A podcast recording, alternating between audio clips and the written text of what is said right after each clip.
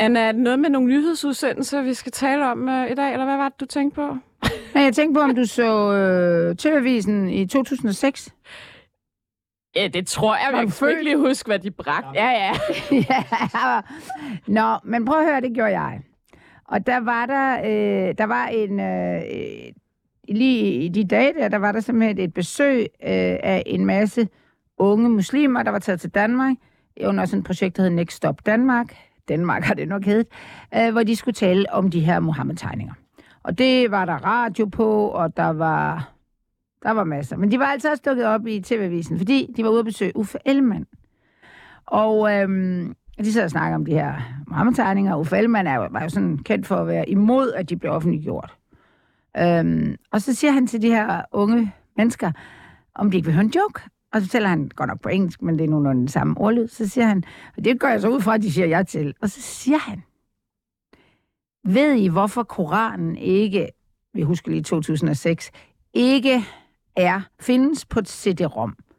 Og så siger de, nej. Nej. Hvad siger I? Det ved jeg sgu ikke, hvad sikker du er, Alex. Vils Lorentzen. Altså, jeg hørte Ja. det Ja. for et øjeblik siden, og jeg havde faktisk regnet ud, det er fordi, man ikke må brænde den. Ja. Ikke? Jo, men Den er, er det god. ikke sjovt, Jo, den at han har sagt Jo, det jo, det skal i ikke. 2006? Til nogle muslimer. Til nu- Ja, ja, som var det bare fedt.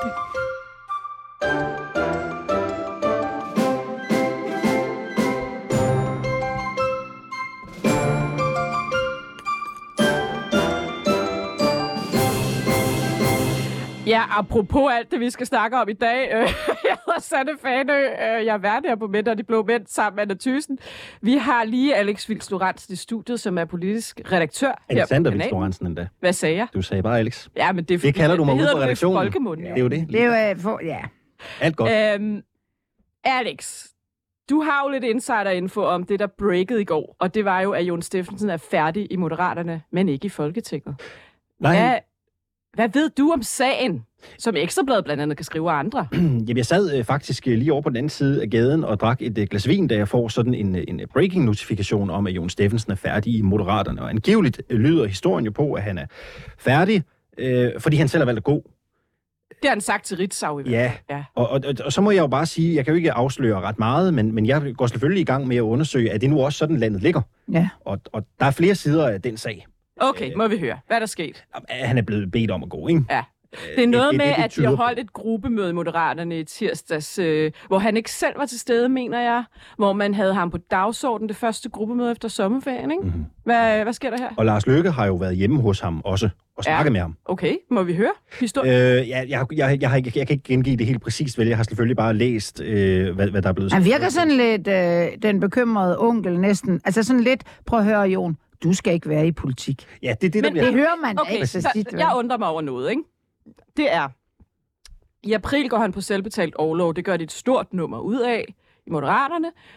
Hvad er der sket i mellemtiden? Fordi der var han jo ikke nødvendigvis dømt ude. Hvorfor er der så stor enighed nu om, at nu skal det ske? Hvorfor spørg- gjorde man det ikke den gang? Spørgsmålet er, om, om han ikke allerede var dømt ude dengang, og man ligesom skulle, skulle trække vejret, og så vil man senere lettere kunne sige, Ja, altså der ligger jo sådan noget dømt uden rettergang Ja. i det, hvis du bare bliver kylet ud. Ikke? Nå, det men har hvad, man ikke hvad er der sket den her uge? Lykke har været hjemme hos ham. De har holdt gruppemøde i Moderaterne. Mhm. De siger jo, altså det Ja. står der der i et eller andet medie, at øh, han er ligesom ikke, øh, de kan ikke have tillid til ham. præcis. Og det er sådan, nå, hvad er der sket i sommerferien? Altså, Det er det, jeg tænker. de siger er jo der ikke, sket et eller ja, andet? det lyder så, altså, ja, de, de får det bare sagt på en måde, altså det er helt tolket ned, øh, øh, altså det er jo det, ligesom jeg bruger meget krudt på, men det, de får det ikke ligesom sagt, der, der, altså det kunne vi lige så godt have gjort, ej, det er ikke det. Der er jo ikke nogen Nej, det der er parti, der har ønsket, at han kom Nej. tilbage. Når man ligesom spørger folk øh, diskret rundt omkring øh, i partiet, har man jo også spurgt, øh, men hvad så med Jon? Ja. Har I kontakt med ham? Ja. Øh, hvad siger han? Der er jo ikke ret mange, der har haft ret meget kontakt med ham. Og det er jo heller ikke nogen hemmelighed, der der også er mange, som har tænkt, det er da helt fint, hvis han ikke kommer tilbage. Ja. Mm. Han har ikke været savnet. Så jeg tror ligesom, at man har forventet, Mm. at det ligesom var det. Men hvis Tolketorben herover går i amok med otte år på banen i det, vi taler om, Mm-hmm. så lyder det fandme som om, at han har gjort et eller Altså, vi har... Ja, jeg Der er det der med tænker, er tilliden, sket jeg ikke noget nyt? Er Ja. der sket et eller andet Altså, i I- I mellemtiden? don't know Har han anything. sendt nye beskeder til nogen? Ja, men, Og nu sidder jeg bare og spekulerer, skal det lige siges. Det er ikke noget, jeg ved. Nå, men altså, men har han undskyld, ikke kunne holde sig på Morten, eller hvad? Ja, men det er jo også helt til, at der måske er nogle medlemmer, der har talt med ham, og han siger... Altså for eksempel, hvis han nu sidder og, plejer og siger, prøv at høre, det er fuldstændig uretfærdigt det her, og jeg har ikke gjort en skid, så kunne man vel også sige, vi har ikke tillid til ham. Ja. Altså, Og, og, Et eller andet. der går jo max, øh, der går vel maksimalt en uge, ikke? så kommer der et eller andet. Hvis han har foretaget sig noget, hvilket vi jo ikke ved noget om på Nej. nuværende tidspunkt, så kommer der jo nogle historier om det. Det sidder alle politiske journalister jo og kigger ind i nu. Gør du også Det gør, ja, selvfølgelig gør jeg det. ja, skal I det, Det gør også? jeg. Har du fundet ud af noget? Øh, jeg, har- jeg har ikke fundet ud af, af, af noget. Jeg kan ikke sige ret meget om det. Øh, jeg har ikke fundet ud af noget. Øh, men, men jeg kigger der på det og, og overvejer det, hvem man kan kontakte øh, Mm. for at blive klogere på den sag. Selvfølgelig, det gør alle. Lige nu er det jo bare et kapløb om at komme først. Men skal vi så ikke Ja. lige også tale lidt om, Jo, om det at han politisk- bliver i Ja. Folketinget? Ja, det, det er jo lige præcis det, jeg vil øh, ind på nu, fordi så sidder regeringen jo på et meget, meget yderligt mandat. Altså, det, det er jo, haha, nu kommer lige historieteam her, vi har jo negativ parlamentarisme i Danmark, det vil sige, at man skal ikke have et flertal for en, men man må bare ikke have et flertal imod sig. Det vil sige, at de her nordatlantiske mandater kan de tælle med, men vi er ædermame, altså vi er nede på 92 nu, ikke? eller sådan noget, men hvis, hvis man tæller dem med. Vi er 88 uden de øh, Ja. ja. nordatlantiske Og der er fire, ikke? Ja. ja. Det vil sige, nu, regeringen sidder meget skrøbeligt, og det er jo også lidt af forklaringen, Anna, ikke på, at Lykke har ventet så længe. Jo, Lykke han siger har jo i håbet, bedste... han kan beholde det mandat. Men Lykke siger jo sådan i bedste Peppe-stil. Altså, det har klædt, altså, Mhm. mm-hmm. over for Pernille Weiss. Altså, det, det, vi har ikke regnet med, at han blev. Mm-hmm. Og det var, altså, det er Ej, både de havde sådan jo et... håbet, at han ville nedlægge Ja, er sådan mandat, lidt komme til fornuft, og så kunne de indsupplere en anden. Nå, hvad tænker du, Alex, om det her? Altså, hvad, hvad, hvad er regeringens øh, virkelighed nu, hvor han er smuttet? De kan ikke tåle særlig meget, vel? Altså, Nej, det, det kan de ikke. Der skal jo kun ryge en mere, før det ser rigtig skidt ud. Ikke? Så skal mm. der virkelig øh, parlamenteres for at lande øh, aftaler, ikke? hvis der ryger et øh, mandat. Altså, mere. Lykke, han, øh, jeg tror, at de der moderat typer, det er nok dem, man er mest bange for. Lige pludselig er der en eller anden, der enten kommer et eller andet gag op, eller... Så de bliver, altså, de bliver holdt i kort snor, tror jeg. Ja, og det er jo ikke nogen hemmelighed, at der har jo også været kritiske historier på flere, der sidder Ja. i den der øh, folketingsgruppe. Der ligger ja. jo også nogle, nogle dårlige historier på Nana Godfredsen, Ja. som venter. Hun er jo, må jo være det sværeste medlem af den Ja. folketingsgruppe at komme i tale. Jamen. Hun stiller jo næsten aldrig op til et interview, vel? Fordi man ved godt, at, at der er nogen, der sidder og, Og, øh, og har ja. undersøgt det ene og det andet. Vi har jo også selv gjort det her på, øh, Ja. på, på kanalen. Og det, der Men- jo også bliver spændende, synes jeg, det er at se, at øh, om, om, om Jon Steffensen bliver sådan en løs kanon i Folketinget, der bare, du ved, Ja, eller, sådan, øh, eller han bliver modarbejder sådan, regeringen lige pludselig. Eller bliver sådan en mulige Havgård. Det er virkeligheden ramt jo. eller... Øh, Jamen, kan I ikke huske Jakob Havgård? Han troede jo, Jo. han skulle ind og lave sjov og ballade, men det ramte ham jo, hvor alvorligt det var. Så Nå, han der sad... tror jeg jo nu, Jon er lidt mere sådan alvorlig rent politisk, ikke? Men altså, han kunne godt blive sådan en løs kanon. Så er der Nå, man kan- Grønland. jo, Kan, men du kan de du kan- forlange mere du, du nu, kan jo ikke? sige med Jon Steffensen, Øh. hvor står han Ja, også det politisk? ikke? ikke. Han Ja. har været med i Alternativet tidligere, Ja. og nu er han i Moderaterne. Så hvad er det egentlig, han, hvad, hvad vil han stemme for, hvis han overhovedet går ned og stemmer? ikke? Altså, det, det vil tiden Altså, nu har han jo sagt, at han vil være løsgænger, men kunne man forestille sig, at han vender sig ind i Alternativet? Men vil de overhovedet Ej, have jeg, jeg tror ikke, Altså, ja, det, det tror jeg. Lige netop Alternativet, tror jeg, er tømt Det er ud. altså- Jeg tror ikke, der er nogen, der vil Øh, have ham. der- Det er nok, det, er, også- han står nok samme sted som Lars Bøje, ikke? Det er svært at, at Jo, finde og så nogen, står der- han... Altså, De kan lave et Velkommen. parti sammen. Ja, Ej, Undskyld, jeg siger det, altså hvis... Nu er det eks-formanden for MeToo, der taler her. Altså det, han har med i bagagen, er jo ikke det, mange partier vil have. Absolut. Altså ikke. han har nul politisk erfaring og dårlige sager. Altså, okay, man får en stemme. Ja, det gør du, men, men så skal man jo også huske på, hvor mange kulturpersonligheder var det, der øh, skrev under på, at øh, de ikke kunne have, have tillid til ham som ja. kulturordfører. Ja. De kan ikke engang huske, hvor skal man parkere øh, sådan en, en, en, en politiker henne, ikke? hvilket Oh. område skulle Ja, ja, det er altså. Så hellere, så hellere være det medlem færre. Ikke? Jeg tror heller ikke. Der er selvfølgelig nok ikke mange, der kommer til at, at give en Men, håndstrækning men ham. skal vi ikke... Altså, vi kan vel også lige vende igen. Altså, han tjener jo ikke nogen penge. Men nu har han så tre år. Han har jo selv betalt, velbetalt. Ah, han er selvbetalt overlov til oktober. Jamen, nu går han ind og får løn. Nu går han ind og får løn. Ja, ja, det er da klart. Og så rammer han pensionsalderen, og så er alt måske godt. Skal vi uh, lige... Uh... Oh, nej, det var den. det var lykkeskilleren, jeg ville have på. Hvor er du? Nej. Der er ikke nogen lykkeskiller. Fuck det.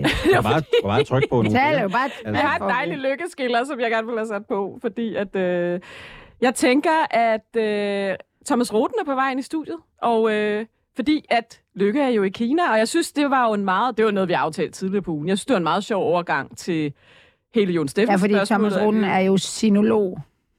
Han er i hvert fald tidligere formand for Dansk Kinakritisk Selskab Nå, og ja. stifter af selv Okay, samme ikke klub. Og jeg øh, lidt om os med... vi skal... Der er han. Der er han. Hej Thomas. Da jeg inviterede dig tidligere på ugen, der troede jeg faktisk stadig, du var formand for Dansk Kinakritisk Selskab. Og så mødte jeg Laurit, som nu er formand, som sagde, at I har problemer med hjemmesiden. Eller, jeg ved ikke. Ja, det er jo Laurits, der er formand nu, så det... Det kan vi ikke snakke om. Det er, altså, hvis jeg må komme med et bud, Ja, så er det altså kineserne, der har hacket den. ja det, kan, det kan godt Så jeg være. tror, det kommer til at tage lang tid. være. Ja, ja, jeg, det, jeg, har, jeg har prøvet det med hackning af Facebook og alt muligt andet, Nå. så må ikke, må ikke det. Hook op med Huawei.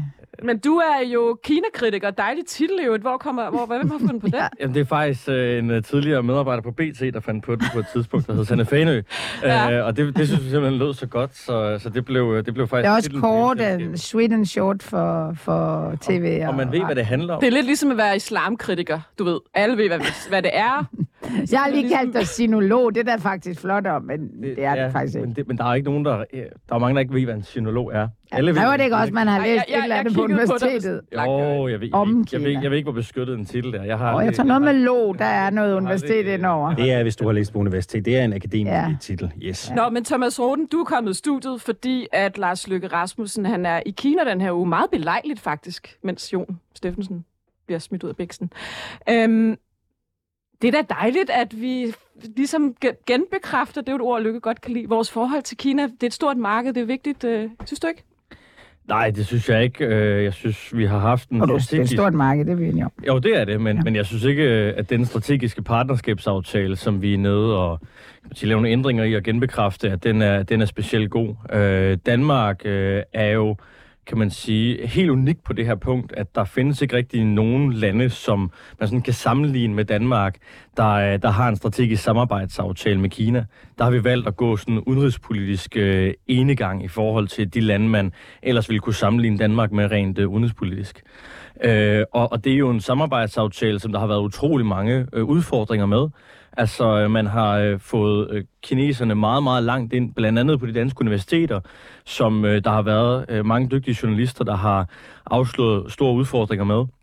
Øh, jeg besøgte også øh, selv øh, Hongkong i en periode, hvor at der jo blev, øh, var meget, meget, meget voldsom politivold dernede, og der var det jo også helt vildt, at politiet i Hongkong havde været ude på politiskolen i Brøndby øh, og lavet samarbejde med dem ind, og det er jo blandt andet sådan nogle ting, der er kommet ud af den her samarbejdsaftale.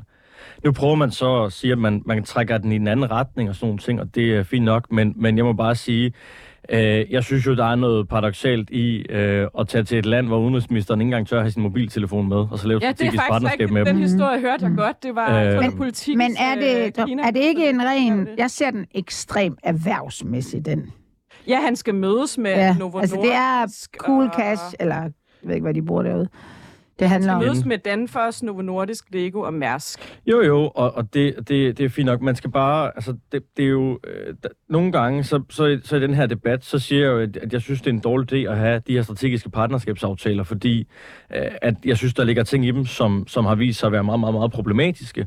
Og så siger folk, Nå, men, Nå, men vil du så stoppe alt sammenhæng med Kina? Det skulle jeg lige til at spørge om. og, og, det, og det er jo, øh, øh, ja, undskyld, jeg siger det nu, men det er lidt et dumt spørgsmål, fordi hvis du ser på øh, de lande, vi sammenligner os med, de har jo ikke sådan en strategisk samarbejdsaftale, og de handler sådan set stadigvæk med Kina. Mm. Så det der er spørgsmålet, det er, mener vi, at Danmark skal have en eller anden særposition, hvor vi øh, hopper sådan øh, øh, ekstra stærkt ind i det kinesiske samarbejde? Det mener jeg ikke. Og så det andet, jeg, jeg sådan set synes, der er vigtigt, det er, at jeg har ikke noget imod, at Lars Løkke han besøger Kina. Det synes jeg, man skal gøre som uh, udenrigsminister. Spørgsmålet er, hvad man kommer der ned med, og hvad det er, man har øverst på agendaen. Og der Jeg har jo sagt, at han vil tage en ærlig snak om menneskerettigheder. jo, jo, jo. Men, men, men der er ingen tvivl omkring det, der er øverst på agendaen øh, til det her besøg, det er, at, øh, at man skal have lavet den her strategiske samarbejdsaftale. Jeg synes jo, Danmark har nogle interesser, der er meget større. Vi har en klar interesse i, at øh, Kina de stopper deres understøttelse af Ruslands krig i Ukraine. Vi har en klar interesse i, at Kina de stopper deres øh, industrispionage, specielt mod den grønne industri Ja. øh, i Europa. Vindmølle. Øh, Ja, ja, blandt andet. Øh, og, og vi har en meget, meget klar interesse i, at sejladset i det sydkinesiske hav, der er et meget, meget vigtigt sted for vores maritime erhverv, at øh, det bliver sikret, og at, øh, kan man sige, øh, at, at der bliver sikret fred i det sydkinesiske hav, og at konflikten mellem Kina og Taiwan, den ikke udvikler sig. Det er nogle meget konkrete danske interesser, øh, som man kan sige, er nogle interesser, kineserne ikke lige står og klapper i hænderne over, at vi kommer med. Men, men jeg mener faktisk, det er det vigtigste, og jeg mener, det er dem, vi burde have taget med, øh, og ikke den her strategiske samarbejdsaftale, som jeg egentlig mener, at man burde lægge i graven.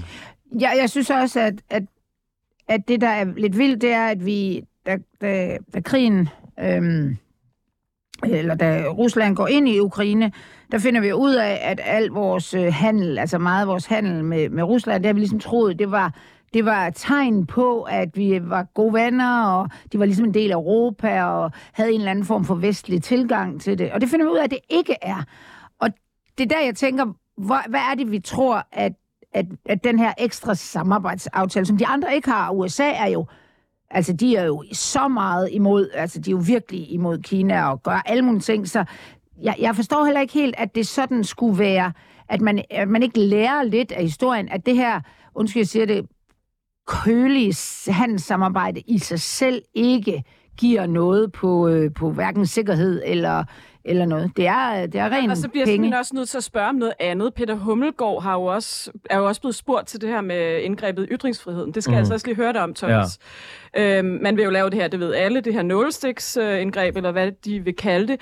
Og så er det, han får sagt, tror jeg nok, i langt nede i en artikel i Information, i en eller anden fodnotebemærkning, at man også vil kigge på det i forhold til at kunne vise tibetanske... Hvad er det? det Ja, som jeg tror, forstår mere det, bliver han jo øh, spurgt, ind til, hvad Ja. er grænserne for det her er, og, øh, og der siger han, at han vil ikke garantere, øh, øh, at, øh, at, at de her Tibet-demonstranter ikke også kan blive en del af det. Mm. Siger han Øh, selv det ordret? øh, det, det er sådan, jeg læser den artikel, der er kommet øh, frem omkring det. Okay, kan du ikke lige fortælle, hvad konteksten er for det? Jo, altså konteksten er jo, at jeg, jeg mener, det er Berlinske, der laver, der laver øh, historien. Øh, øh, øh, nu nu øh, siger jeg lige, som jeg husker det. Øh, Jeg har ikke lige læst Jamen, den jeg lige, inden tænker jeg også ind. Men, Tibet-sagen. men, alt men det er jo øh, det, det er jo, hvor han ligesom kommer ind på, at, øh, at det, det, øh, det var ikke en given ting, at, øh, at den rettighed var sikret.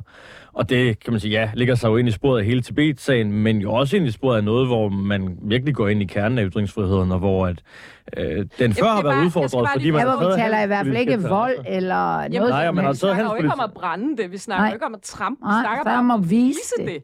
Hvordan kan det, det kan jeg ikke forstå, man på nogen måde kan begrænse inden for... Og, Altså, hvordan skulle man... Altså, Det, det forstår jeg heller ikke, øh, øh, men, men det, det må justitsministeren jo, øh, jo svare på, øh, hvordan man øh, vil kunne komme øh, derhen. og er det så kun foran den kinesiske ambassade og ved kinesiske statsbesøg, øh, at man ikke må vise det? Eller er det... Altså, hvad...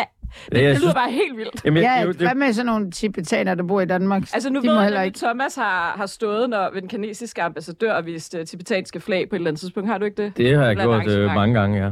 Skulle det så også være forbudt, eller hvad? Ja, det, er jo- det er jo det, der, som jeg også stiller et spørgsmålstegn til nu. Øh, og, øh, og det øh, må vi jo så finde ud af, når regeringen på et eller andet tidspunkt kommer med deres øh, forslag.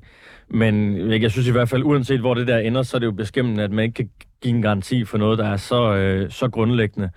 Øh, og, øhm, og, og, og måske, øh, her kommer vi også ind til noget, der måske lidt er, hænger sammen i forhold til den her øh, koranafbrændingssag og, mm. og besøget i, Ja, der er øh, nemlig i, i, i, øh, Mhm. i Kina. Og det er jo, øhm, hvad kan man sige, hvad man prioriterer. Ja. Og der mener jeg jo, at Danmark, øh, vi er sådan, blevet sådan nærmest lidt for sådan merkantilistiske i vores udenrigspolitik. Det handler om meget kortsigtede økonomiske interesser, mm. hvor jeg mener, at de mere langsigtede strategiske interesser øh, og de sådan grundlæggende værdier, vi har som nation, at de bliver glemt øh, i den her sammenhæng. Øh, og det er sådan set, øh, øh, jeg vil sige, Lykke er, er jo frontrunner på det her, men det er sådan set også en bevægelse, der, der er i Udenrigsministeriet helt generelt, og den Måske måde, skal som vi lige tage den, på. fordi jeg kan huske Lykke, at det i, I don't know, foråret, så går han ud i et stort interview, ligesom at tegner linjerne for, hvad for en udenrigspolitik vil han føre, hvad for en udenrigspolitik vil regeringen føre, og det kalder han så pragmatisk idealisme. Ja, det skal jeg lige love for med tyk streg under pragmatisk. Men- Hvor er idealismen henne i den danske udenrigspolitik lige nu? Altså, Ja, ved jeg godt, synes, der er også- Man skal også passe på med at være naiv, når man er et lille bitte land. Det skal vi jo heller ikke. Ja, nej. Og jeg har det også blandet med den her øh, koranafbrændingsindgreb, man vil lave. Ja, ja. Ja. Skal vi være det eneste land i verden, hvor tosser står under undskyld mit sprog og brænder koraner af? Er det fedt? Er det sådan et land, vi vil være? Jeg kan egentlig godt det, det ser ikke ud til, at der bliver flertal i Sverige nu. Det er i hvert fald øh, udfordret. Ja. Ja. Øh, Norge øh, har jo heller ikke tænkt sig at gøre noget. Som, så lad os se, hvor det- de der ting ender. Jeg Hvis jeg, en lille krølle men- over fra det blå her, altså blå, Ja. øh, ikke bare det, eller mm, erhvervslivet, det er jo, at jeg ser jo også lidt en hyklerisk øh, øh, tilgang fra nogle af de her store virksomheder, der i den her uge plastrer alle deres øh, kanaler til Pride. med Pride, ja. øh, og at der er ikke noget, de ikke, øh, hvad skal vi sige, øh, bifalder mere, og så tager de gladeligt til Kina, og jeg ved ikke, om de skal købe noget eller sælge noget derovre, og vil skide Ja, højt og flot, også med ikke? Saudi-Arabien Ja. Iran. Og Hvad tænker du om alt det her, Alex? Hvad tænker du helt præcis på? Vi kommer vidt omkring. Du piller bare det ud, du. Pragmatisk idealisme. Ja. hvis du tænker på udenrigsstrategien, så er der Ja. jo særlig en ting, jeg har undret mig over. Ikke? Altså, hvis man læser de første linjer i introduktionen til øh, udenrigsstrategien, så står der jo, at vi skal holde fast i vores værdier, vi skal være tro mod det, vi Præcis. bygget op omkring. Sådan nogenlunde er det formuleret. Jeg kan ikke huske den eksakte gengivelse. Øh, Jeg har selv øh, øh, leget lidt, vil jeg sige, med nogle af regeringens udenrigsordfører den her uge, for lige at finde ud af, jamen, hvor øh, tro er vi egentlig mod vores egne værdier, det vi er bygget op omkring, når vi nu taler om at, øh, siger nogen, indskrænke ytringsfriheden. Øh, og jeg talte blandt andet med Michael Ostrup Jensen fra Venstre, det kan man høre mm. i mit eget program på mandag, som også medgiver... Hvad Danmark hedder det? Eh, Lige præcis, som også medgiver, at, at det da godt kan lyde lidt specielt. Men øh, argumentet er jo, at øh, tiden den skifter, og øh, det er jo altid øh, svært at øh, ruste sig helt mod, hvad der sker ude i det store øh, udland. Øh, men det synes jeg har været lidt, lidt sjovt. at- Og ikke? venstrefolkene er jo lidt på overarbejde, ikke? Jo, det, det deler jo selvfølgelig partiet, ikke? Ja. Ja. Jeg ved ikke, om vi skal gå videre. Vil du uh, blive øh, i resten af timen, Thomas, eller at, at snakke med om andre emner, eller er du på vej ud? Jamen, øh, vi kan lige tage et øh, kvarter mere, så øh, der får jeg lige så stille af. Du smutter bare. Vi spørger alle, alle vores, så tager vi sådan et bagholdsangreb og Ja, siger, ja, vi du... spørger altid, om folk vil blive, og så skal de snakke om et eller andet, hvor de er helt ude på dybt vand. Men altså, det her er jo, jeg synes, vi skal tage personale nyt nu. Ja, Og det tror jeg godt, alle lige kan overskue. Det er sådan lidt lettere omgang. ja. Blandt andet er en politiker sprunget ud som homoseksuel, og Og en, en anden, som vil være sygeplejerske. pludselig, og vi kører. Medlemmerne synes, at jeg skal være den, der skal overtage stafetten fra Pernille. jeg tror tilbage, det er, for at være ærlig, lidt øh, mærkeligt. Og, og så kom den her mulighed i Bryggeriforeningen, og det vil jeg bare enormt gerne. Og vi bliver aldrig trætte af det hækkerum. Øhm, ah, lad os tage det hele. Der, der er nogle, jeg synes, det er en sjov liste den her uge. Ikke? Vi har snakket om Jon Steffensen. Så er der bare helt kort. Skov Christiansen sætter op som FH-formand. Det kan vi hurtigt flyve henover. Niels Flemming Hansen bliver spidskandidat for konservative i Europaparlamentet. Efter ballade om både Pernille Weiss og måske også lidt Markus Knudt, som var for Ja, national. han står sådan, han er nummer to eller tre, ja, Ja. ja ved siden af os selv lidt. Rasmus Nordqvist stiller også op for SF i EP. Det er der efterhånden mange, der gør. Nå, Esben Lunde Larsen, tidligere landbrugsminister for Venstre. Han er sprunget ud som homoseksuel, apropos Pride Week. Ja. Det er da bare skønt. Ja, det er, men det er også bare sådan lidt en mærke. Altså, det er sådan, at jeg, jeg går ud fra, jeg kan ikke huske det, men det er det ikke ekstrabladet, der altså ligesom skruer den op. Og det, det er jo både sådan lidt mærkeligt, at man skal skrive sådan noget. Øh, altså, jeg, jeg er sikker på, ekstrabladet, de tænker, om det der er en rigtig positiv Jamen, nyhed. havde de ikke sådan en historie om, at han tidligere har været imod homovil, så jeg Jo. vil bare godt lige påpege, at du kan jo godt være homoseksuel Ja. og være imod homovil. Ja, Han er jo meget kristen. ja, Hvad tænker I? Det kan man jo godt. ja. Ja, jeg vil være ærlig og sige, det er ikke sådan en historie, jeg har dvælet enormt meget ved i den her Nå, uge, andet end nej, jeg har det er bare- registreret det, og det er rigtigt, Ekstrabladet har begået en, en historie om, at, øh, at han jo vist nok selv engang var imod øh, homovilser, men altså godt for Esben Lunde Larsen. Ja, Tillykke ja, ja. til ham, øh, og fedt, at han øh, står ved sig selv, ikke? ja. Det, det, det tror jeg er det, jeg har at sige til den sag, ellers har jeg sgu ikke Nej, nej, men det er mere sådan, ikke, altså Thomas, vinklingen du er bare lidt sjov. Altså. bare griner. Det er ikke sådan det, man er så vant til at beskæftige sig Du med. har, Nå, det nej, nej, men det er jo- Ja, men det, det, det, det, jeg har jo øh, som udgangspunkt egentlig ikke nogen holdning til menneskers seksualitet. Nå. Det må de jo selv øh, ligge og rode med, tænker jeg. Men øh, øh, alt godt for ham, men jeg er næsten mere overrasket over nogle af de andre øh, karriereskift, der har været i, øh, i, i ugens løb. Uden at sige, nu er det at være det? homoseksuel vel heller ikke et karriereskift. Det er også Ej, men derfor... det hedder, det hedder jo Jo, karriere nyt, det her. Altså, Og så skal vi tale om, at der er nogen, der er blevet homo. Ja, hvorfor, har, det er egentlig, hvorfor har du egentlig puttet ham i karrieren? Der, den er, der er bredt her. Det er ikke, det er ikke mig, der har navngivet det her. Det er, Det er sådan faktisk rigtigt. ikke? Det er Ja. Jeg har knap nok sagt ja til at deltage, og så bliver jeg kastet ind i at skulle deltage i karrierenyt skal om seksualitet. Det er godt, der er sådan nogen som jer, der er seriøse med det, I laver. Okay, hvad, hvad synes du så er mere opsigtsvækkende? Er det Christina Antorini? Det synes jeg, der er Ja. Christina Antorini, der går fra en uh, direktørstilling til nu og vil uh, uddanne sig som sygeplejerske. Og det synes jeg er, er, er fedt og uh, mega tiltrængende og dejligt, at der er, er uh, synes jeg, uh, en kvinde, der er en stærk rollemodel, der, der går ind i et helt vildt vigtigt fag, hvor vi har brug for endnu flere medarbejdere. Det, det synes jeg er måske den bedste karrierenyt jeg. historie i, Og, i og man skal også tænke på, at hun, det er ikke sådan, hun tager sit gamle fag op. Altså, hvis hun nu var sygeplejerske. Hun starter fucking forfra. Hvem er Hun er den 58 første, og skal... der spørger hende, om sygeplejerskerne skal have mere løn? Det vil man jo Ja, gerne er høre dig, en ja. tidligere socialdemokratisk minister svare på. Skal sygeplejerskerne have mere løn? Jamen, vi er også på det. Okay. Men det vil man bare gerne høre, ikke? det er jo interessant. Ja, ja. Nå, men jeg synes, hun er jo direktør for noget, der hedder Life-fonden. Øhm, starter fra nul. tager uddannelsen, og jeg hørte lige et interview med hende i går i TV2 News, og hun siger, at det er faktisk bare, fordi det er meningsfuldt, og hun vil gerne arbejde mange år endnu. Øhm, hun tror, hun kan drosle ned til 37 timer ved at blive sygeplejerske. Jamen, det er da, altså, det er da Øhm, eddermame så det er også noget med nogle... at skulle øh, arbejde mindre. Der er mange gode Ja. budskaber i det her, ikke? Jeg synes også, det er fedt. Jeg synes bare, vi skal hylde det. Nå, men skal vi gå videre til, hvad jeg vil sige, noget sådan lidt mere øh, seriøst?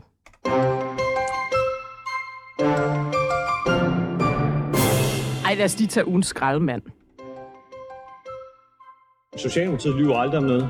Derfor har jeg i dag meddelt øh, statsministeren, at jeg ønsker at udtræde af regeringen. Socialdemokratiet lyver aldrig om noget. Nu vil jeg hellige mig min kæreste, Det er min, øh, helt min egen afgørelse.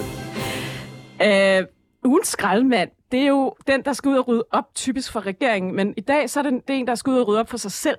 Fordi det er nemlig Lars Ågaard, klimaministeren. Og det er også derfor, så kan vi nemlig lige hurtigt vende regeringens klimakurs, fordi øh, i P1 Morgen for en uge siden, der siger han jo, klima er ikke det eneste problem, der skal håndteres. Vi skal have et velfungerende samfund, samtidig med, at vi forandrer. Derfor skal vi have politik fra midten. Vi skal have en politik, som 80% af danskerne kan se sig selv i. Noget han lige at sige, inden øh, radioavisen så kommer og afbrød ham. Øhm, det har der så været en del virak om siden. Mette Frederiksen har også lavet et opslag på Instagram om, at øh, hun er begyndt at spise mindre kød. Og så, så har Lars Ågaard så været ud at sige igen, og rydde op for sig selv altså, at billedet med de 80 procent ikke skal tages ned matematisk. og det siger han jo blandt andet efter, at flere medier har været ude at tale med forskellige kommunikationsforskere og andet, der siger, der er kun et punkt, hvor vi 80 procent af befolkningen står bag, og det er dødsstraf. Ja, eller øh, beslutningen om at afskaffe store bededag. Det var Ja. 80 procent af befolkningen, hvis det enige om var Altså, en der er, ikke, idé. der Ja. er ikke noget, nogen politiske øh, sager, hvor 80 procent af befolkningen er Ej. bag. Og det her med, at man ikke må mærke noget, når der bliver ført klimapolitik. Jeg, jeg, jeg kan ikke lade være med at tænke, Der er sådan lidt Joy Mogensen over det under corona, da hun sagde, at kultur må vige. Kan I ikke huske det? Altså, Flødeskummet på kagen. ja, Ja, ja. Nå, men jeg, jeg kan ikke lade være med at tænke, altså jeg begynder at få øh, mere og mere at tænke, at produktionsdanmark, som jo er dem, man er bange for at ramme, de mærker jo også klimaforandringerne. Altså deres huse bliver jo også oversvømmet, og de skal også ud af klimasikre kyster og andet. Altså det er vel ikke kun folk i København, der drikker kaffe latte? Eller hvad? Du er jo Altså, sådan jeg- en kaffe latte radikal, Thomas. Nu drikker jeg ikke kaffe latte. Øh, jeg, ingen ved, ikke, om man må sige, når man er radikal. Det kan være, det, det, det koster på stemmetallet næste gang. Men, men, men det er jo, øh, undskyld, det er jo Produktionsdanmark, der kommer til at tjene aller, aller flest penge på det her, fordi det er der, de fleste grønne virksomheder er. Og det, der jo er endnu mere latterligt i den her sammenhæng, det er, at Lars Aagaard til med siger, at vi skal ligesom, hvis vi bare gør noget herhjemme, så er det ligegyldigt. Vi skal ligesom lave nogle nye teknologier, vi kan få ud i verden. Det er det, der er det vigtige. Og så ser man på hans politik, hvor man lige nu satser på, at det, der skal redde vores øh, klimaambitioner frem til 25, det er, at vi skal putte mere mad i vores benzintanke, basically. Altså, øh, vi skal høste mere sådan noget første generations biobrændstoffer heli. Det er sådan det mindst teknologiske og det mindst grønne, du overhovedet kan gøre. Når man samtidig siger, at man vil have sådan en eller anden teknologitilgang til det, altså det, det, øh, det, det giver jo grundlæggende ikke nogen mening, og, og den her 80% målsætning mener jeg jo også skyder regeringens klimapolitik ud på et eller andet sideleje, som de har meget, meget svært ved at forklare. Jeg talte med øh, Karin Liltorp i går, øh, Moderaternes klimaoverfører, og bestemte mig for, at jeg ville teste hende på, om det nu også er rigtigt, at 80 procent skal bakke op om øh, den førte klimapolitik. Og hun siger jo også, hun siger det selvfølgelig meget diplomatisk i interviewet, at det øh, nok ikke skulle forstås så øh, bogstaveligt. Det skal ikke tages ned matematisk. Hun siger dog, at størstedelen af danskerne, uden at ville sætte tal på det, siger, at størstedelen skal kunne se sig i den førte klimapolitik. Men hvad det så helt konkret betyder, det, det må jo kommer være vi ikke rigtig 51 nærmere. procent. Altså, Jeg tror, det er mere end 51, så, okay. så tæt kom vi på det. Okay. Men hvad det helt præcis dækker over, det, øh, det, det blev jeg ikke rigtig øh, klogere på. Altså- Men det er klart, at han har selvfølgelig smidt, han har smidt et tal, der gør det svært for Ja. de andre medlemmer svært at sige, når man nævner det. et konkret tal og sige, at det skal ikke forstås. Man kan Jeg lige tror se, altså øh, også, de forregner sig i regeringen. Jeg tror faktisk, folk går mere op i klimahandling, end, end de lige går og tror. Ja, det Altså også borgerlige, og Mm. mm. også folk ude i såkaldt produktionsdanmark. Altså, jeg ved ikke, jamen, jeg, måske tager jeg fejl. Hvad tror I? Altså, I- Det, jeg tror, du har ret, og jeg tror sådan Øh. set også, at der er nogen i befolkningen, der godt kan lide en gang imellem, når der er politikere, der sidder i en retning. Altså man kunne jo se, øh, i hvert fald i starten af coronakrisen, at Mette Frederiksen faktisk blev meget populær på Ja. at tage et lederskab Ja. og sige, øh, nu, øh, Mm. nu, nu kører vi den her kurs øh, hardcore. Og, øh, og jeg synes jo, det er sjovt, hvordan at, at, at den her krise, der er det åbenbart ikke eksperterne, vi skal lytte til, men det skal være sådan en, en, øh, en rundkreds pædagogisk øh, samtale, hvor at alle åbenbart skal være med, for at vi kan gøre de ting, som er altså bidende nødvendigt. Ja, hvor der bliver jo taget tonsvis af beslutninger, hvor man øh, altså, overhovedet ikke øh, nærmer sig de tal øh, på 80 procent. Altså, det, det er man jo ikke bange for. Vi har en regering med det mindst mulige flertal overhovedet, som kan bruge det. Så det, er Som jo- nu vil i øvrigt vil indføre en øh, skattelettelse, selvom der er rødt flertal. Og Ja. ja. det, det laver en fin overgang til det næste, vi skal tale om.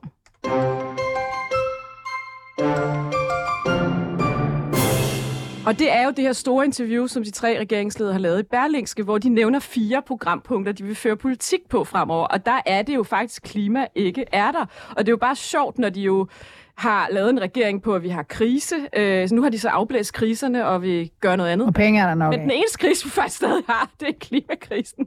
Den nævner de så ikke rigtigt. Jo, de har et eller andet punkt med noget iværksætteri og noget grøn omstilling. Jeg ved ikke... Øh, at, ja, hvad t- ja. Ja, hvad tænker Jeg I? hvad fanden I tænker. De skal på tur med Anders Breinholt, Ja, var det ja, det, de også sagde? ja, De skulle ja. sådan en uh, turné Ja, med ja, Anders Breinholt. ja, Fire ja. uger eller noget i den stil. Ja. De har set øh, vandopslag i øh, forum. Ja, ja, og så skal de vel tale om, at Mette Frederiksen også øh, er begyndt at spise mindre kød. Ja. Og, det, og det er jo sådan meget symptomatisk for de der øh, klimadebatter nogle gange, det er, at, at hvis man ikke ligesom kan, kan, kan virke grøn på den politik, man fører, så kan man også bare begynde at tale om sig selv. Mm. Men, men, øh, men undskyld, vi har jo ikke valgt øh, politikere øh, for, at de selv skal begynde at spise øh, mindre kød. Vi har valgt dem for, at de gerne skulle lave nogle strukturelle forandringer i vores samfund. Det er jo en kæmpe stor opgave, de skal på, ikke? Og de skal jo selvfølgelig på tur for at forsøge at genskabe en eller anden form for fortælling om, hvorfor mm. det er vigtigt for os, at vi har den regering. De siger jo selv, at det er et, et ikke bare et arbejdsfællesskab, men et værdifællesskab. Spørgsmålet er jo bare, når man så borer ned i den konkrete politik, hvor meget er der så øh, at dele værdier om? Tag øh, hele øh, velfærdsspørgsmålet for eksempel, ikke? Øh, Socialdemokratiet var ude med en prøveballon om, at det kunne være, at vi alle sammen skulle spare lidt op til vores øh, velfærd, når vi bliver gamle. Det lader der ikke rigtigt til at være enige i. Det lugter lidt af Lars Løkke, men i Venstre synes man ikke, det er en god idé. Altså, der er allerede et sværslag her, der bliver svært for dem, ikke? Mm. Så der er jo behov for at genskabe en eller anden form for fortælling. Det bliver ikke let, De tænker jeg. siger, de siger interviewet, at uh, der er en ny valuta i dansk politik. Altså før har man sagt, send flere penge. Øh, og det vil man holde op med nu, fordi vi har, vi har sådan set ikke, det er ikke penge, vi mangler. Det er ikke det, der er problemet. Det er hænder. Så det er arbejdskraft, vi skal finde. Mm-hmm. Og det er jo... Og jeg kan, jeg kan bare mærke til, at Mette Frederiksen nævner nødvendighed, ordet nødvendighed, to gange, tror jeg, i det her interview. Præcis det, hun gjorde op med, da hun tog over for Torning. Ja. Det synes jeg bare er lidt... Og det, og det, var, det var jo dengang øh, din øh, sikkert store forbillede, Thomas øh, Margrethe Vestager, var The real queen. leder. Radikale og arbejdsudbud var jo mantra. Som også strikker. Øhm, nu er det, nu er det det nye mantra igen. Nu er det Ja, ja. regeringens hoved. Og, ja, og, og, de siger jo også selv, at de er blevet sådan lidt en teknokratregering, at det er det, folk ser dem som, og nu vil de være mere værdibaseret.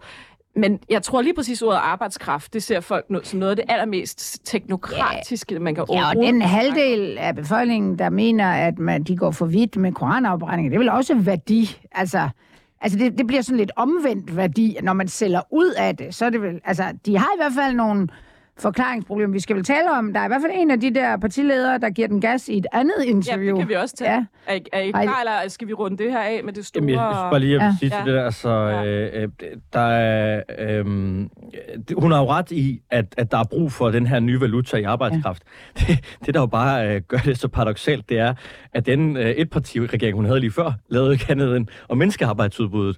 Og, og, og på den måde er der jo et eller andet socialdemokratisk skisme der, der er meget svært at forstå. Ja. Noget andet, jeg tænker over, når jeg ser, skal vi, se, skal vi tage dem? Altså, de vil lave en skattereform, det er det allerøverste. Det vil sige, at de vil have skattelettelser, ikke?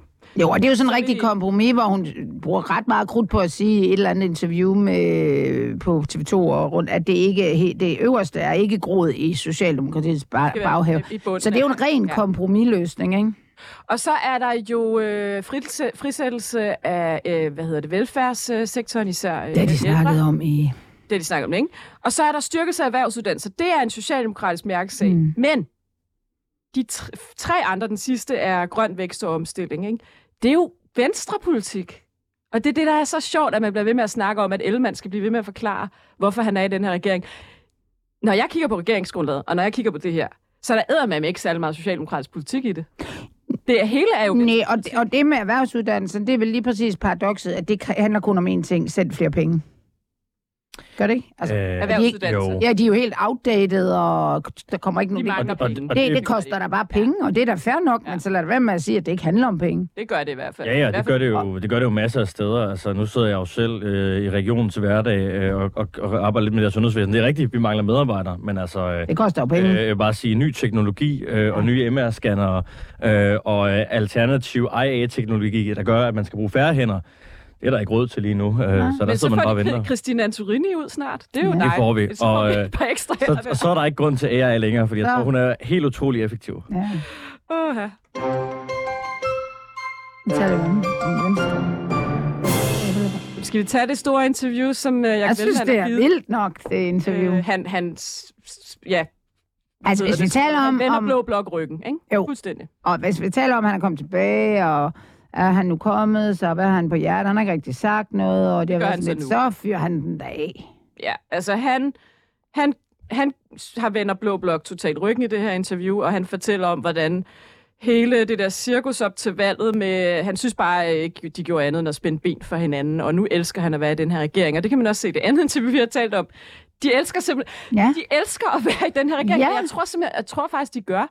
Jeg tror, de har været vant til et helt liv i politik, ja. hvor man ikke har lavet andet end at angribe hinanden og være i konflikt. Ja, ja de virker sådan Og på nu- det personlige plan. Nu er de et Ja. ja. sted, hvor de faktisk føler, at de faktisk kan drive politik, hvor det ikke hele tiden handler om positionering mm. og symbolpolitik og andet. Og jeg, jeg ved ikke, om, hvordan I tolker det, men, men jeg kan sådan set godt forstå, at det føles ret rart. Ja, men det er jo også, det er man jo også nødt til at sige, så længe man øh, er i den. Der er jo aldrig nogen, der siger, at de sidder i en regering, som de ikke bryder sig om at være i, så det er også lidt, øh, hvor meget kommer det der rent faktisk fra hjertet, det ved jeg ikke. Men, men jeg synes jo, det der er interessant i, øh, i Ellemanns udmelding er jo også, at han jo stadig er statsministerkandidat. Øh, og det er jo der, det bliver rigtig interessant, fordi øh, hvordan kan man stadigvæk være statsministerkandidat, når man ikke vil være regeringsleder for en blå blok, men vi er i en situation, hvor man jo aldrig kunne forestille sig en Mette Frederiksen, der peger på en Jakob Ellemann. Øh, det gør i hvert fald, at der er nogle store forklaringsproblemer, som øh, Jakob Ellemann står for, og som jeg også tror, der er nogen, der kommer til at spyde ham en lille smule på i fremtiden. altså for eksempel har Pape været ude og sige, at nu siger vi velkommen til det socialdemokratiske tusindårsrig. Ja. Wow, Ja. det er alligevel en vild Altså, det er egentlig sjovt nok, fordi øh, vandomslag er egentlig sådan mere afdæmpet. Det er Pape, der... er- Altså, Pape er... Han virker, ikke, altså, han, er, han virker også sådan lidt irriteret hele tiden. Han har sig rundt med Pernille Weiss-gate, og altså, han er fucking træt af det hele. Øh, og jeg, jeg, jeg ved ikke, om det er godt for de konservative, om de synes, det er fedt, men han virker godt nok sur. Men altså, jeg tror, at de sidder over i Venstre, og så ser de, hvad Søren Pape siger, ja. og Ja. så tænker de, at det var vist meget fint, hvis Ja, ja, sagt ham- det der, fordi han er sgu øh, ham der magter vi jo ikke øh, Nej. at skulle øh, samarbejde med, og øh, så er der Pernille Vermund og alle de andre. Og Ja, det, det siger bliver, han jo det også, øh. Ellemann. Han siger, Ja. der er for mange partier. Præcis. Det er en stor Han siger faktisk noget ret sjovt. Han er jo ikke uden humor. Han Nej. siger jo, at hvis nogen er uenige eller et eller andet, så stifter de bare et nyt parti. Ja. Og det er jo faktisk... Men, men hvis vi nu kan kigge Det sådan er jo sådan, det altid har været i radikale venstre. Det er jo derfor, Ja. ja. vi er moder til så Thomas, mange. Ja, I er er der mod- ja. i Folketinget nu, lige nu, som udspringer af radikale venstre? Øh, det er vel Alternativ og Liberal Alliance, Er der ikke flere?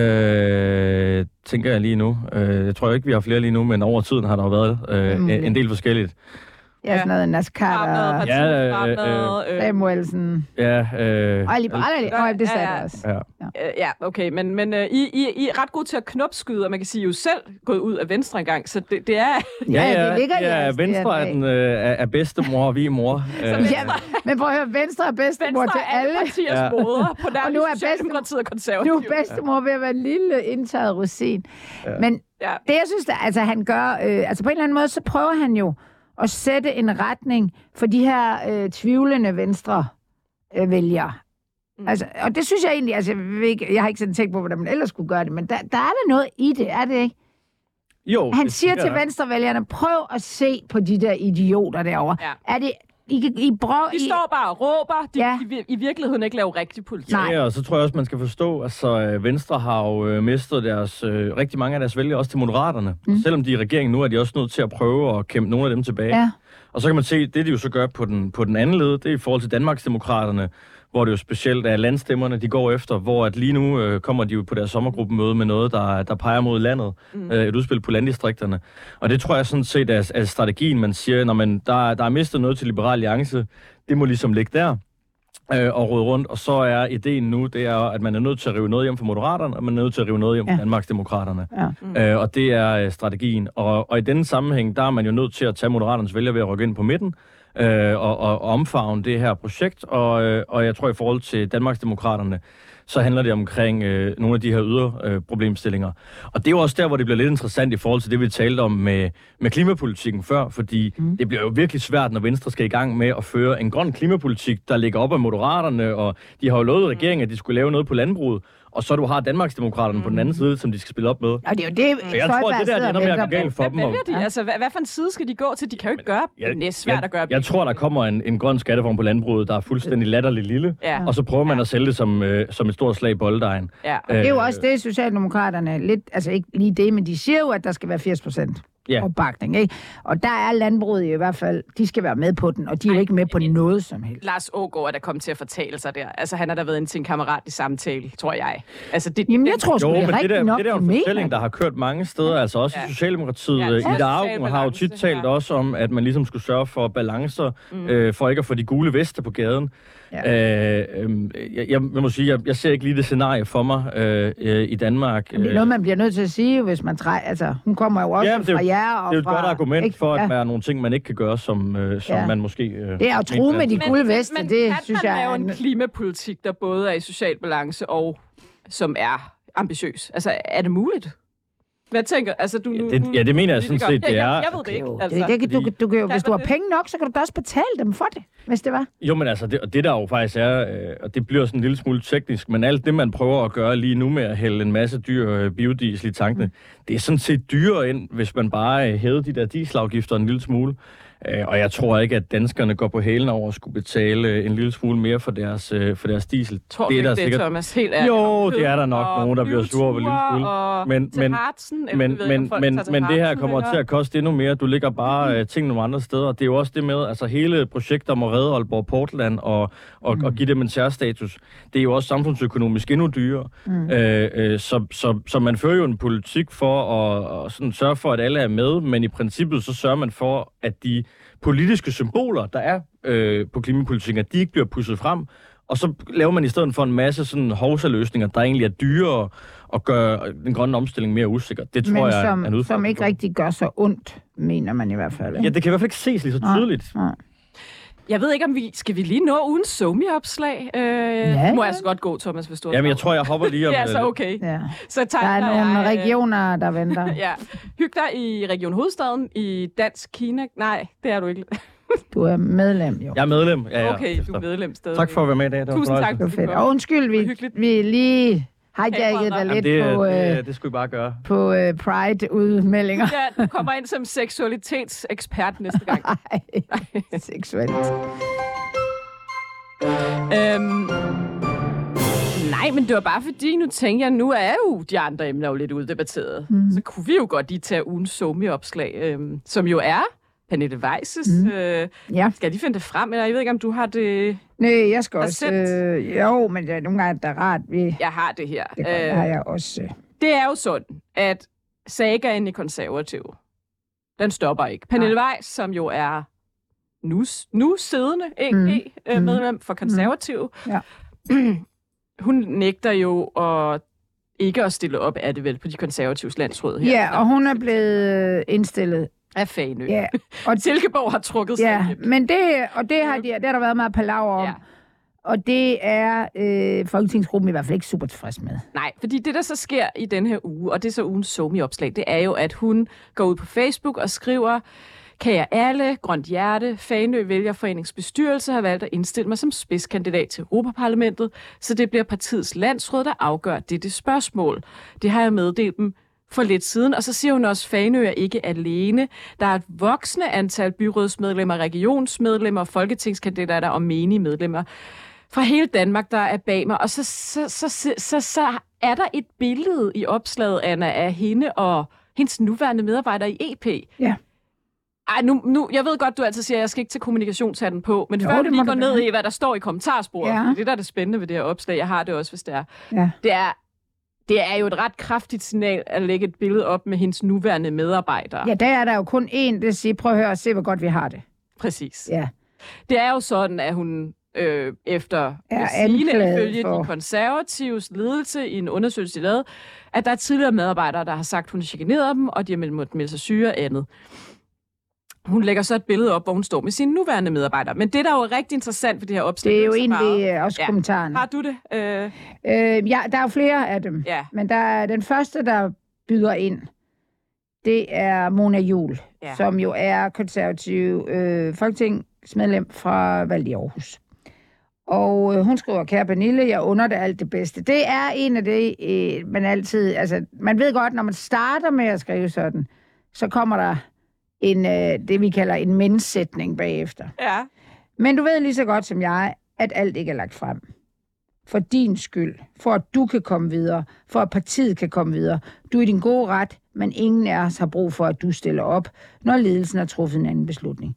Jeg synes ikke, det er modigt. Jeg synes, beslutningen mangler integritet og mangler respekt for de tidligere medarbejdere. Og det, Mona Juhl jo helt klart, det er jo igen, det er den der ordentlighed, som alle konservative øh, gerne vil tage på sig. Problemet er bare, når man ikke er enige om, hvad der er ordentligt. Øhm, så det er sådan første, som, ja, hvor, hvor, og, må det er lidt sige, sådan... Må jeg lige sige noget andet med det? Det er jo, at jeg har aldrig, og nu har jeg dækket politik i over 10 år, tror jeg, som Mm. journalist. Jeg har aldrig i mit liv set et Facebook-opslag fra en politiker, hvor politikere, profilerede politikere fra ar- samme parti, der sidder mm. i Folketinget, tre af dem her, og det er toppolitikere. det er Mette Abelgaard den næste. Ja, og så kommer Maja Mercado. Det er, nogle, det det er, det er tidligere minister. Mette Abelgaard bliver mere vred. Ja, og, og, og jeg har aldrig, simpelthen aldrig set, at man er gået ud mod en partikollega Nej. i et Facebook-opslag, som alle selvfølgelig kan læse. Der er også skrevet artikler om det her. Mm. Og, Og det er helt vildt. det er helt vildt. Nå, men Ja. hvad, hvad er det så? Så er det med, det Appelgaard. Ja, Mette Abelgaard er sådan, Ja. altså hun er mere sur. Faktisk Maja Mercado, er, det passer egentlig fint. Først den lidt sådan, ja. så bliver det bare værre og værre. Ja. Øhm, men igen, Mette Abelgaard er også sådan lidt, øh, far er ikke vred, far er skuffet. Det skuffer mig, at du ikke har respekt for den beslutning, et enigt forretningsudvalg har truffet. Og det den beslutning, øh, hovedbestyrelsen har bakket op om. Ja, hele Folketingsgruppen. Det øh, med Appelgaard gør her, hun starter faktisk med at pisse de der vælgerforeninger af, der er sure over, vi talte om det sidst, jeg havde jo fået nogle øh, beskeder fra nogle vælgerforeninger, øh, hvor de siger, at det er simpelthen ikke Folketingsgruppen og hovedbestyrelsen, der bestemmer. Det gør vælgerforeningen. Og når man så kommer til øh, landsmødet, så er det jo der, man stemmer. Og det er utidig indblanding. Men det vil, det vil den, den her folketingsgruppe, de vil altså have øh, ro på bagsmækken. Øhm, mm. Og så siger hun, vi ønsker en ny spidskandidat. Det kommer så faktisk øh, dagen efter nærmest. Så jeg tror, det er sådan en Det er koordineret, helt sikkert koordineret. at nu skal vi simpelthen have hende til at holde sin kæft. Og så skal vi have noget ro på, så vi kan fortælle, hvem der nu bliver. Så det ikke kommer til at drukne i alt vi det så her. lige tage Maja Mercados øh, til Ja, hun, altså, det, det ligger næsten i hendes, altså, at hun er jo også sådan mere øh, ja, ja. hårdt slående, ikke? Ja. Hun er rystet over, at tage, hvordan øh, Weiss tager den her voldsomme kritik ned på. Alt praller fuldkommen af, og du har nul refleksion. Så siger det mig, at det er den helt rigtige beslutning, at du ikke genopstilles. Som om, der bliver faktisk sagt lidt, hvis du, altså, hvis du havde reageret på en anden måde, så kunne det være.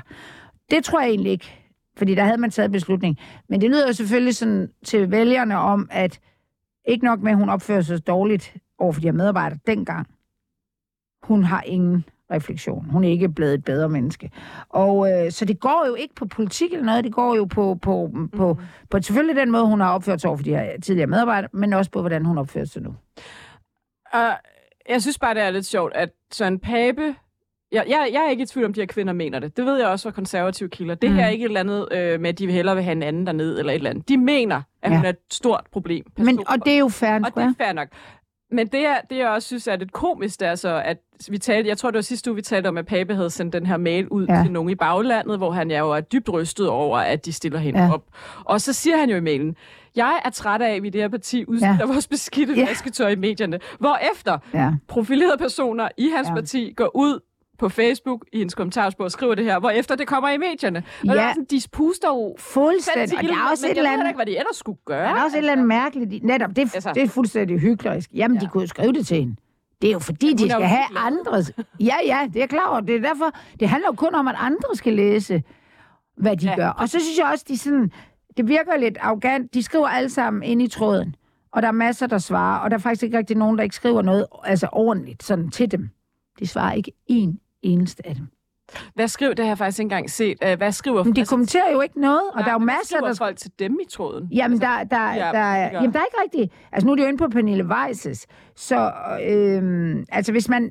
Nu leger jeg spindoktor, så vi, hvis det var mig, der havde været med til at orkestrere det her angreb på hende, og forsvar for deres egen ud til vælgere, og så havde jeg fået nogle flere med.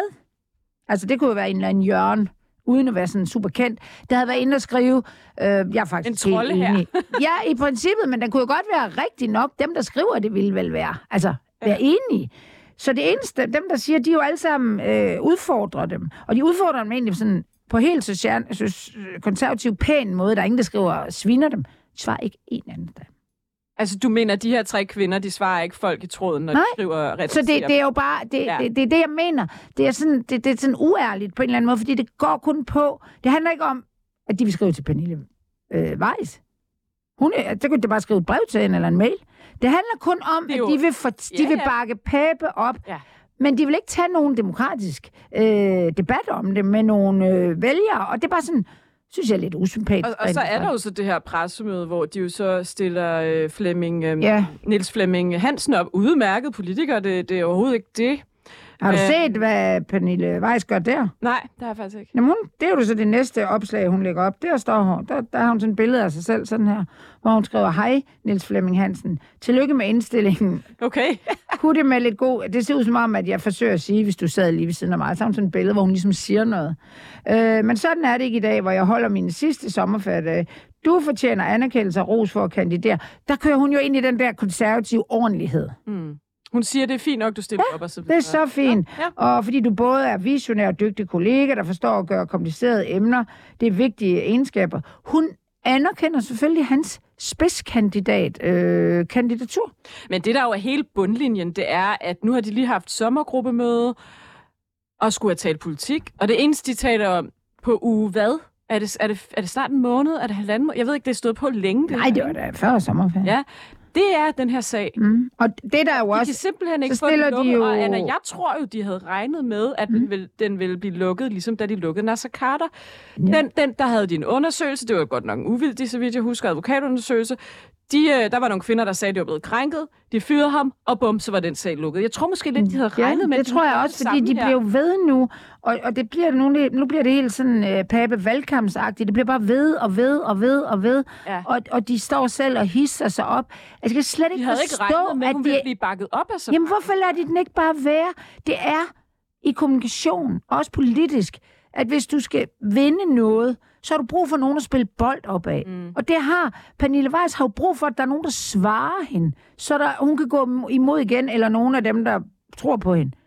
De skal jo ikke, Men- de skal jo ikke gå ind i det her. Men hvad er hendes motiv til at blive ved med at ville stille op? Fordi altså, det er jo ikke et, pa- partiet står rigtig svagt i meningsmålingerne. Altså, vi er der, hvor de måske ikke engang får et mandat. Så hvor, hvorfor bliver hun ved med at kæmpe? Hun kommer jo... Altså, det er fuldstændig jeg tror, det, hun det kommer ved jeg, aner jeg jo ikke. Altså, dels så er hun af jo ekstremt eftermæle, eller... Hun er ekstremt, altså hun har jo de vildeste øh, chancer dernede i EU. Hun er rimelig populær. kommer jo ikke ind nu. Altså, det, det er umuligt for hende. Men jeg tror, altså er det ikke, jeg ved ikke en skid, men hvis man ikke mener, at det der bliver gjort imod en, så kan du, hvis du så lægger dig ned og siger, at jeg stiller ikke op mere, så er det en form for erkendelse af det. Jo, det, det er nok det er det? Fordi jeg, jeg ved, at hun ved jo godt, det er Ja. urealistisk, hun Ja. kommer ind Hun igen. siger jo øh, der før sommerferien, jeg melder mig ikke ud af partiet, Mm. for det er ledelsen, jeg har et problem med. Vi skal til at slutte. Anna Tøsen, Sanne Fanø, Mette og de blå mænd. Vi ses næste uge. Vi elsker jer, lytter derude. Og tusind tak til Pola Rojan Bakker for at producere, og de andre to Og gæster. tak for at lytte med. Alexander Lorentzen og Thomas Roden.